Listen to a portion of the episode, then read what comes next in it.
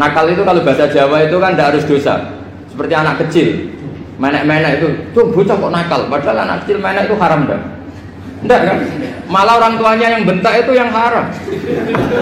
yang nakal betul ya ibunya yang bentak cerewet itu karena ibunya orang yang sudah mukallaf, sudah tua, salah langkah yaitu ben. Kalau anaknya naik, meja itu ya sebetulnya bahasanya tidak nakal lucu.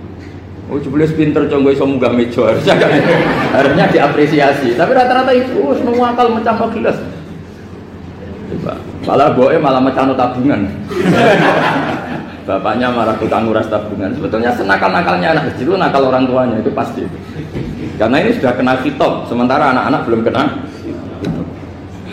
Saya pernah punya tamu karena di tradisi dia itu sering punya tamu.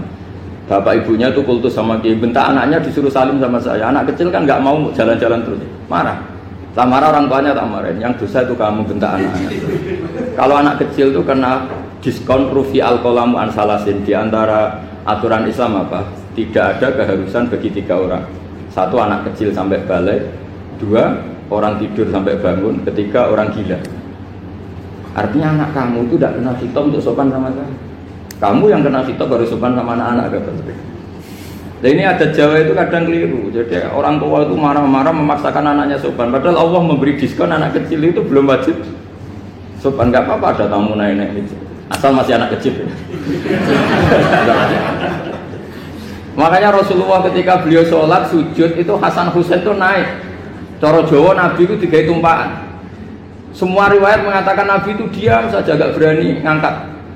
Sampai sahabat itu ada yang ngomong ini Nabi sujud lama sekali ada apa? Jadi kita punya riwayat itu ya baru kayak sahabat yang agak nakal. Semuanya itu sujud, tapi ya bareng di atas rata-rata ada sahabat yang belakang ngomong. Ada apa tuh ini sujudnya kok lama?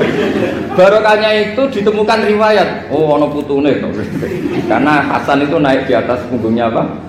Nabi itu andikan tidak ada yang ngomong riwayat ini tidak ditemukan.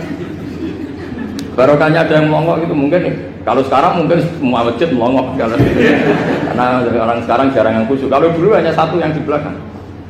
Setelah itu Nabi memberi penjelasan saya tadi sebetulnya harus mengakhiri sujud saya sesuai aturan umum, tapi ada di saya tak biarkan sampai dia puas naik punggung saya, sehingga dia turun baru saya naik.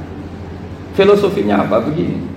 Anak kecil satu tidak kena ditop, dua jangan sampai sholat itu jadi problem. Kalau Nabi nyentak Hasan membentak, putu ono bayi sholat kok diganggu. Maka sholat menjadi trauma. Gara-gara sholat bahasa bentak saya. Lama-lama anak ini trauma dengan sholat. Karena dianggap problem. Makanya saya termasuk kiai nggak berpendapat anak kecil nggak boleh di masjid. Sering kan anak kecil di masjid ayah khutbah rame. Saya termasuk setuju tetap boleh.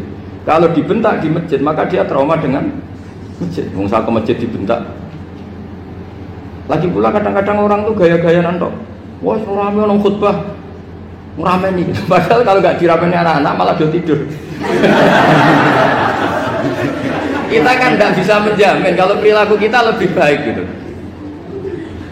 Mendingan kan anak-anak main di masjid timbang di karaoke kan. Jadi kan, lah ini masalahnya saya, ini fakir ya. Fakir itu wilayahnya, makanya jadi ahli fakir itu susah-susah gampang.